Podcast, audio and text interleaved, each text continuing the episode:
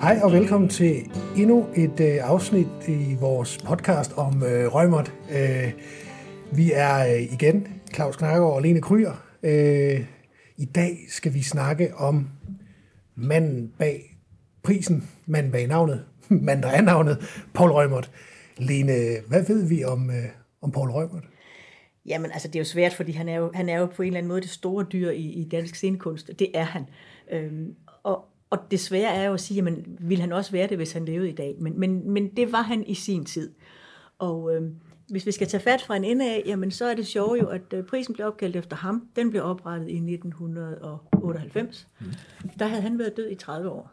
Og det passer måske meget godt, at man ikke opretter priser efter, efter nulevende mennesker, for ellers så kunne det vel være her oplagt at kalde det en Bodil Udsten, en øh, øh, Gita Nørby, en øh, Henning Jensen. Men altså, mm det blev en røgmot.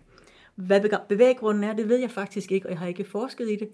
Men hvis vi så i stedet for siger, manden, ham kan jeg jo, jeg bliver 60 her senere i år, så ham har jeg jo i dybest set kendt hele mit liv, eller han har været en ting, der fandtes, da jeg var barn. At vælge navnet Rømer til en pris, synes jeg er genialt, fordi jo mere jeg tænker over, hvad han har lavet i sin skuespillerkarriere, så har han præcis den bredde og alsidighed, som jeg også synes kendetegner scenekunst i det hele taget.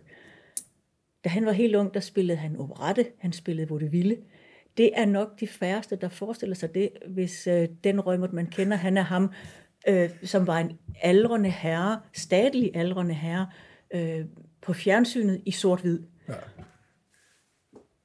Efter at have spillet vaudeville, operette, så gik han jo, øh, så kan han komme til Kongelig Teater, hvor han var det meste af sin, af sin skuespillerkarriere, eller stort set hele sin skuespillerkarriere, og spillede jo alt. Men klassikerne er dem, man husker ham for. Det er Molière, det er Holberg, det er Strindberg, og det er Kai Munk. De fleste, tror jeg, forbinder Paul Rømert med sort-hvid fjernsyn. Han døde i, i 68, så af gode grunde, ja, han var i sort-hvid, da vi så ham hans nok største og mest kendte rolle på tv, det var som øh, gamle Levin i uh, Inden for murene af Henrik Nashansen, som jo er den her historie om en uh, ung jødisk pige, som forelsker sig i en kristen mand, og om det voldsomme dilemmaer og kampe, det medfører i, i de her to familier, der skal finde ud af, om man skal enes eller ej. Det fantastiske er, at Paul Rømer i, ved urpremieren i 1912, der spillede han prokurist Meyer, der var ansat hos Gamle Levin, og i 1956 var han nået til på det kongelige teater og spille Gamle Levin. Og det er den rolle, vi har set ham i på fjernsynet, men i en optagelse fra 1963. Så i sådan et langt spænd fra 1912 til 1963, der var inden for muren en del af hans liv. Mm. Så når vi ser ham i den her sort-hvide optagelse, overfor Clara Pontoppidan, som den her lille bitte, bitte spinkle dame, som var gamle frulevin, så er det altså et, et helt skuespilsliv, der ligger i, øh, i, i, i den ene præstation. Ja, og, og, og, og det, vi, det, det snakkede vi lige om, fordi det, det, det er jo, hvis ikke man har set det her, så kan vi jo kun opfordre til, at man går ind og gør det, og vi skal selvfølgelig nok øh, gå ind og finde alle de klip, du sagde blandt andet, der lå noget på... Øh... Jeg har set, at, man, at inden for murene ligger på Bonanza, så man ja. kan se den på Bonanza i hvert fald, ja. der kan man se hele forestillingen. Jeg har ikke noget at tjekke, hvad der ellers ligger Nej. om ham. Jeg kunne forestille mig, at der ligger nogle små biografiske bidder, men det er det. Øh, det, som man så også, tror jeg rigtig mange husker ham for, det er den her, øh, han var jo stor og statlig, og havde en meget, meget fornem diktion, meget smuk udtale. Hvis du kommer hen på, øh, på, på Odense Teater, eller på et andet teater i landet i, i dag, der vil jeg tro, du kan finde de første 10, der stadigvæk kan efterligne hans stemme. Fuldstændig, som du vil finde, ja, det er sikkert endnu flere nu, der kan efterligne Jørgen Renberg, der kan efterligne på, på Fyn William Rosenberg. Fordi de her herrer, der havde lært at tale, og som gjorde det smukt og formfuldendt, og med en eller anden karakteristisk øh, undertone, som gør, at det er en fryd at, at, at gentage deres stemmer. Ja. Nogen kan huske ham også, tror jeg, som stemmen, der indlæste Adam Ønslægers guldhornene. De higer og søger i gamle bøger. Og hvis man nu tilfældigvis skulle have set første afsnit af Badehotellet i den her sæson, så vil man have set en Sonja Oppenhagen stå fuldstændig henført og med våde øjne og citere de første linjer fra guldhornene, øh, som Lydia Vetterstrøm, der er helt vild med arkeologi. Så han, han har altså sat, han har sat sine spor, når man tænker guldhornene som digt, så tænker man Paul Rømert. Ja. På samme vis er det med en anden nationalskat, fordi vores national skuespil, Elverhøj, det er, der er det jo ham, der spiller, der spiller Christian den 4. Og øh, den der store, store skikkelse, han, han har nok fået ekstra mave på det, vil jeg tro. Og flætningen, og, og, og den store hvide krave, og, og krave på støvlerne, og så den her vældig, vældig dybe stemme. Altså han var i hvert fald i den sene tid af sit liv indbegrebet af alt det her, der var stort og, og stilfuldt. Og derfor er det lidt sjovt egentlig at tænke sig, at øh, han jo også havde en filmkarriere, som startede helt tilbage i 1910, hvor han spillede over for Asta Nielsen i den her meget berømte stumfilm, der hed Afgrunden, hvor hun er en ualmindelig djævelsk, øh, sensuel kvinde, der danser en gaucho-dans.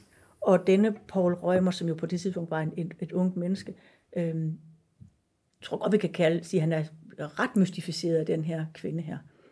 Og øh, man kan i hvert fald se elementer fra filmen på den udstilling, der er på Brand, som kører i hvert fald her til og med august, der handler om Asta Nielsen. Mm. Så, så der var han, øh, det var i, i stumfilmens vorden. Man vil også kunne finde ham i en lang række øh, sort-hvide komedier. Lille frøken Kirkemus med Margrethe Vilby for eksempel, som, øh, som viser en helt anden side af Rømert. Ja. Så den der kæmpe spændvide, plus at han havde en han var frankofil. Han elskede alt, hvad der var fransk. Hans forældre havde vist egentlig prøvet på at holde ham fra teatret i, i sin tid. Hans far var skuespiller, Elit Rømert. Hans mor var balletdanser. Så de kendte jo nok øh, branchen indenfra, også på et tidspunkt, hvor det var noget ganske andet og langt mindre øh, tilsyneladende glamourøst, end det er i dag. Så de gjorde, hvad de kunne for at få ham på andre tanker. Øh, og blandt andet overvejede han, og, og kan ikke huske, om han begyndte at læse fransk. Men i hvert fald blev han så god til fransk, og var så betaget af alt det franske. Så der var faktisk en årrække, hvor han øh, turnerede i Frankrig med franske teatertrupper, altså spillede teater på fransk, spillede Molière på fransk i Frankrig. Så øh, han har været et, et, tror jeg, multitalent på den led. Han nåede også rundt omkring at have en, en, en, en rolle, sandsynligvis taleopera-rolle, men altså også rundt om operans verden. Okay. Øhm, og Nå ja, så er der lige den historie om hans far selvfølgelig, fordi det her øh, Røgmert-navn, Elit Røgmert, som jo også var en, en, en, en stor skuespiller, var faktisk ham, der spillede Nikolaj i Nødbo Præstegård. Første gang, Nico, første gang Nødbo Præstegård den blev, blev opført. Og det var ikke kun ham, der spillede rollen, det var også ham, der havde sørget for, at, få om, at han havde omskrevet Charlings fortælling til scenebrug. Så når vi den dag i dag spiller Nødebo og ser Nikolaj øh, pjanke rundt på scenen, så er det altså Paul Rømerts far, vi dybest set ser. Så det, træk, det, det er jo virkelig et navn, der trækker helt tilbage ja, ned det gør i det. den danske teater. Det trækker helt ja. tilbage. Nogen vil sikkert også sige, jo jo, men han er jo også bare en, en, en, en, en i går så en gammel død skuespiller. Men, men jeg tror, det her med at vælge et navn til en pris, der er så forbundet med netop teatertradition, mm. og det som tror jeg også er, er, øhm, er, er hvad skal vi sige, billedet på, på teater udefra, det her med, at storhed, ånd, øhm, inderlighed, drama, alt det her, som teateret er, det lå i ham. Og jeg tror, det er det, man også vil have med, når man har valgt hans navn til en pris. Mm. Netop at sige, jamen teater er det hele. Ja. Øhm, sådan stor, stor... Øh, jeg, jeg forestiller mig sådan en... Øh, det er selvfølgelig også ud fra de billeder mm. og film, jeg har set med sådan en stor, nærmest statlig øh, meget statlig, meget statlig herre, ja. men med det kæmpe fortrin, at han var forvandlingsmester. Så når vi ser ham i de der statlige roller, så er det fordi, det er dem, der er husket. Men, men han var netop ikke, du, du kan møde skuespillere, hvor man tænker, uanset hvem de spiller, så er du aldrig i tvivl om, hvem de er. Nej. Det har man nok heller ikke været med Rømer, men det betyder ikke, at han spillede den samme person hver gang, men han gav alle de personer, han spillede, et touch af Rømer, tror jeg. Okay. Men i, i, i rollens ånd, ikke fordi jeg er Paul Rømer, jeg skal spille, øh, det er min rolle, men fordi han vidste, hvad der skulle til for at gøre en, en, en rolle væsentlig og, og, og give den den nerve, den skulle have. Du havde, du, havde, du havde en teori, da vi sad og snakkede, før vi lige øh, gik på her, øh, om, øh, om hans modstykke på i filmens verden, altså prisen Bodil. Ja. Øh, vil du ikke prøve at fortælle, hvad, jo. hvad den Nå, men det var fordi, jeg, jeg kom til at tænke på, hvorfor har man nu valgt at kalde, at kalde Rømert for Rømert? Man kunne jo da for det første lige så godt have valgt en kvindelig skuespiller, mm. der kunne have lagt navn til prisen. Og inden jeg så begyndte at udvikle den her teori om, hvem det så kunne have været, så var det, jeg kom i tanke om Bodilprisen, som jo er, er, er den modsvarende filmpris. Og den er jo faktisk opkaldt efter Bodil Ibsen, som var den skuespiller, Paul Rømert nok dannede par med øh, flest gange i sit liv. Så jeg tænkte, om det er egentlig en smuk gestus. Vi har en Bodil, mm. og nu laver vi en Rømert, fordi de, altså, de var det store par i, i dansk scenekunst. Men så var det, jeg kom i tanke om, at han jo også har spillet rigtig meget sammen med Clara Pontoppidan. Så man kunne jo også have kaldt den her pris for en Clara. Ja. Men der tror jeg, man har tænkt, eller man kunne have kaldt den en Pontoppidan, men så har man tænkt, at det kunne også være en forfatterpris, nu bliver det indviklet. Ja.